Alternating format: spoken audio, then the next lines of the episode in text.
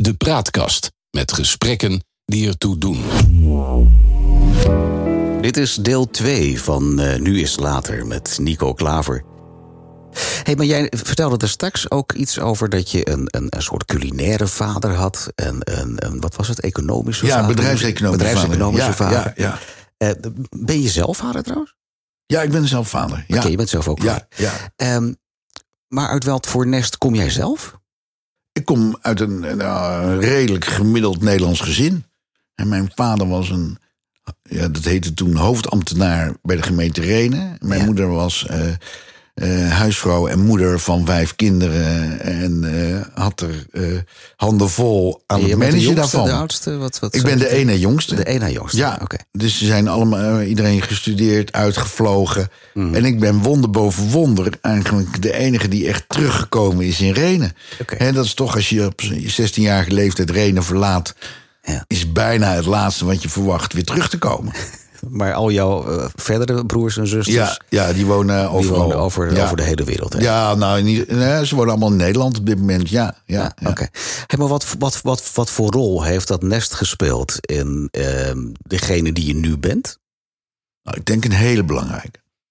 En, eh, wijsheden als. eh, eh, doe doe eh, een ander niet. eh, hè, ging het ook moet even aan mijn moeder denken van. Eh, doe een ander niet wat. Doe een ander niet aan wat je zelf niet zou willen overkomen. Juist. Ja, ja, ja. Er zat er een hele mooie zin voor. En dat is echt wel een hele belangrijke. Ehm, eh, kijk eens in de spiegel. Hè, Hmm. van, voordat je commentaar op anderen hebt, kijk zelf eens even in de spiegel waar het ligt. Hè? Eh, het- de, de christelijke, ehm, het verhaal van kijk in de balk. In je, eigen- hè, naar de balk in je eigen oog voordat je naar het takje bij de ander kijkt. Eh, dat, Was het, ook, was het ook een christelijke opvoeding die je gehad hebt? ja, Oké. ja, maar wel vrij progressief. Ja. En dat ben je nog steeds? Of is dat... eh, Nee, beetje- nee, nee. Bij, bij ons was het thuis ook zo van vanaf je zestiende. Hè, want daarvoor eh, was het eigenlijk ja, eh, zo dat, dat we iedere zondag naar de kerk gingen. En vanaf je zestiende, op het moment dat je kon verklaren waarom, mm, eh, dan hoefde het niet meer. mocht je het zelf weten? Vonden ze wel verdrietig, maar op het moment dat je het kon. Het was niet zo van ik heb geen zin, dat was geen reden. Ja. En dat was bij ons thuis gewoon heel belangrijk. Eh. Altijd het waarom zoeken. De zoektocht naar het waarom. Ja. Als je nou praat over eh, hè, wat, wat, wat, heb je echt, wat heeft je echt gevormd, dat is wel die zoektocht naar het waarom. En niks zomaar aannemen en niet doen omdat anderen het doen. Maar Hmm. doen omdat je weet waarom je het wil doen. En dat heb je wel van huis uit meegekregen, Ja. begrijp ik? Ja, Oké. ja. Zijn er bepaalde thema's die op dit moment nog in je leven afspelen... waarvan je zegt van nou, dat heb ik te danken aan mijn vader of aan mijn moeder? Nee, het is eh, meer eigenlijk het totaal. Het totaal. Het totaal. En dan vertel je dat juist om eh, de kalkoen, zoals jij het noemt. Iedereen kent dat als het kalkoentje, dus dat ga ik ook nog vragen waarom dat eigenlijk is. Maar ehm, dat je daar keihard voor moet werken om ook je qua, qua mindsetting, eh, mentaal, elke dag weer op te, op te laden. Je geeft ook aan dat je dat heel goed bij eh, met name de jongeren in jouw hele team doet. Ehm, maar waar haal jij nou de inspiratie uit? Ja, dat is misschien wel het moeilijkste van ondernemerschap. Ja. Het, en, en misschien wel het moeilijkste van ondernemerschap is dat je alleen bent. Mhm. En dat er eh, eigenlijk nooit iemand jou op die schouder klopt en zegt van doe je goed jongen. Ja. En eh, dus die motivatie en die stimulatie moet je uit jezelf halen. En dat betekent dat je jezelf ook af en toe cadeautjes moet geven. Mhm. In mijn geval. Hè? Ja. Dat is mijn manier om om te gaan met eh, lastige situaties, in welke vorm dan ook. Dat je, dat je jezelf af en toe een cadeautje geeft. En dat kan zijn bijvoorbeeld in de studietijd dat we gingen studeren in de Koninklijke Koninklijke Bibliotheek in Den Haag. Omdat je daar niet mocht praten. Ja. En dat we zijn, oké, als we nou dit af hebben, gaan we een, eh, een matineetje pakken in de bioscoop. Weet je? Ja. Gewoon jezelf iedere keer cadeautjes geven. En, en, en dat, dat doe ik eigenlijk tot, tot op de dag van vandaag. En waar, waar bestaan die cadeautjes bij jou? uit? Uh, uit, uit van alles. Niet uit eten, dat lijkt me niet meer leuk. Jawel. Ja, Ja? ja, ja. ja, Ik, eh, ik zou je zeggen dat eh, in, een, in de eh, pre-corona fase, hè, dus in een standaard situatie, is zondag eigenlijk mijn vrije dag. Ja. En ooit ontstaan omdat je zondag niet, niet kon werken. Je kon niemand bellen, eh, je kon niks doen. Dus de reden geweest om zondag als vrije dag te eh, bestempelen, is dat ja, het, eh, op andere dagen ga je toch dingen doen Ja. waarbij je achterloopt. Dus die zondag en die zondagmiddag lunch is, een, is, een, is een fenomeen eigenlijk. Zeker binnen, binnen ons gezin. Iedereen mag mee. Ja. Alleen er zijn een paar regels. En dat betekent van eh, ik moet het voor 12 uur weten. ja. En, Of ze eh, meegaan of niet, je, als je meegaat of niet. Ja. En eh, ik bepaal. Het is geen democratie. ik, en dat is natuurlijk zo hard wordt het ook niet gespeeld. Nou. Maar in principe is het wel zo dat ik bepaal. En dan Ja. hebben we een straal van een uur en een kwartier Ja. rond Renen. Hè, we zitten heel veel in de regio Eindhoven bijvoorbeeld. Omdat Mm. daar A. ontzettend veel goede restaurants zitten. B. heel veel hè, onder de rivier op zondag open. En vaak ook een doorlopend servies hebben. Is voor een restaurant wel een drama. Maar voor mij op dat moment als gast is het natuurlijk een heerlijkheid dat je ergens om drie uur binnen kan vallen en om zeven uur weer terug kan rijden. Ja. Ja, dus uit eten is niet alleen eh, mijn, mijn, mijn werk, mijn passie, maar is ook mijn eh, grootste hobby. Maar dan ben je toch nog steeds een beetje aan het werk. Want je bent wel aan het kijken wat zij anders doen. Ja, en dat- waar je dat- wat vanaf kunt kijken, zeg maar. Dat kan ik heel goed scheiden. Dat kan ik heel goed naast me neerleggen. Het komt niet vaak voor dat je een restaurant binnenkomt dat ze je kennen.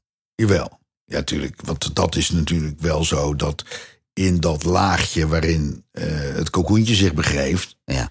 eh, dat is A, een kleine groep in Nederland. En we kennen elkaar eigenlijk wel allemaal. Mm. En eh, dat is ook wel bijzonder en dat is ook wel heel leuk. En eh, dat, dat, eh, maar dan ben ik echt, ja, simpel gezegd, Jan de consument. En gewoon de gast die gaat genieten. Op het moment dat ik ergens wil gaan kijken, omdat je denkt van, nou, ik heb daarvan gehoord en dat is heel bijzonder. Dan wordt het werken. Mm. En dan ga ik meestal met een vriend, en of dat nu in Barcelona is, of in München, of in New York, of whatever waar. Ja. Maar dan ben je echt aan het ontdekken. Mm. Als ik gewoon gezellig op zondagmiddag in een twee-sterren restaurant ga lunchen, dan is dat echt gezellig en lekker. En ik bedoel, mijn tafelgenoten eh, worden er natuurlijk niet heel blij van als ik daar een beetje ga zitten analyseren de hele middag. En daar word je zelf ook niet vrolijk van. Nee. Dus nou, ik wil Het is wel ontspanning voor je, zeg maar. super ontspannend. En eh, ja, niks mooier als zo verwend te worden. En daar laat je heel erg je batterij van op. Dat is ook echt een cadeautje voor je. Maar Ja. Je zegt het is eigenlijk ook heel eenzaam, want je moet het, je moet het uit jezelf halen. Zijn er voor jou eh, bepaalde goeroes, mensen waar je, waar je heen gaat, waar jij zegt van ja, dit- ik, ik zie het nu even niet meer zitten. Harry, help even. Nee, dat niet. Nee. Wel eh, een eh, aantal vrienden die ik al echt al een 30 jaar plus heb. Hmm. En ehm, daar, eh, ja, ik heb twee vrienden die, die wij bellen iedere dag. Hm.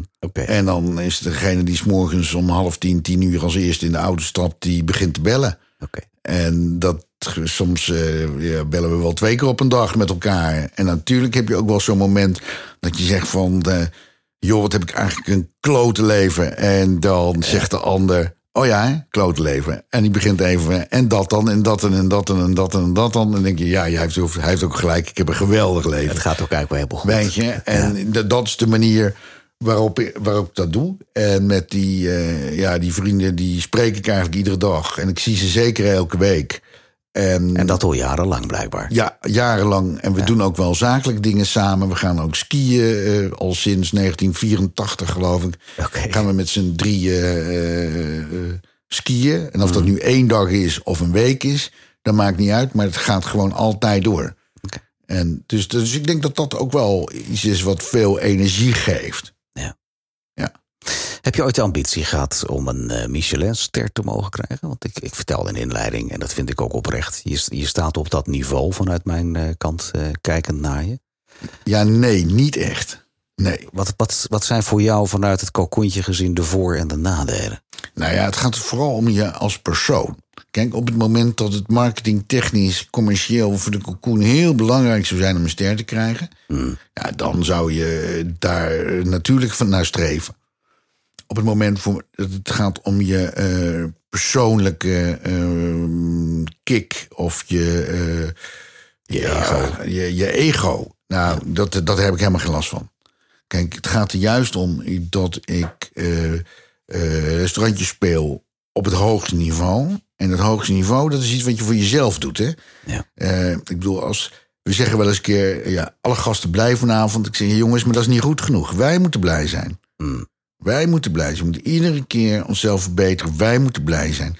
Maar Maar wat is het verschil dan? Of jij blij bent of dat jouw gasten blij Ja, zijn? Want het ons- gaat toch om die ons- gasten? ja, nee, ja maar, maar, maar, maar onze lat moet hoger liggen dan die van een gast.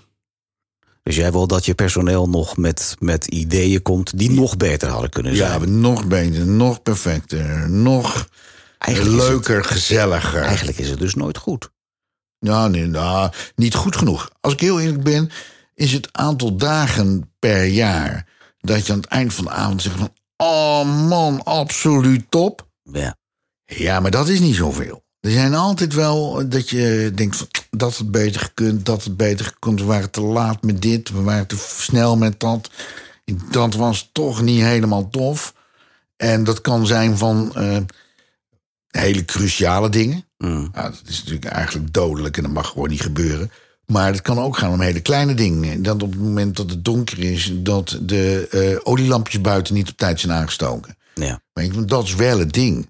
Ehm, als tijdens de ontvangst gasten eh parkeerplaatsen oprijden en niet ontvangen worden in de tuin. En dat doen we in principe altijd. Ja. Ja, dan is dus 99,9% is niet goed genoeg. Weet je, dan krijg je dat verhaal weer van die paperclip. Ja.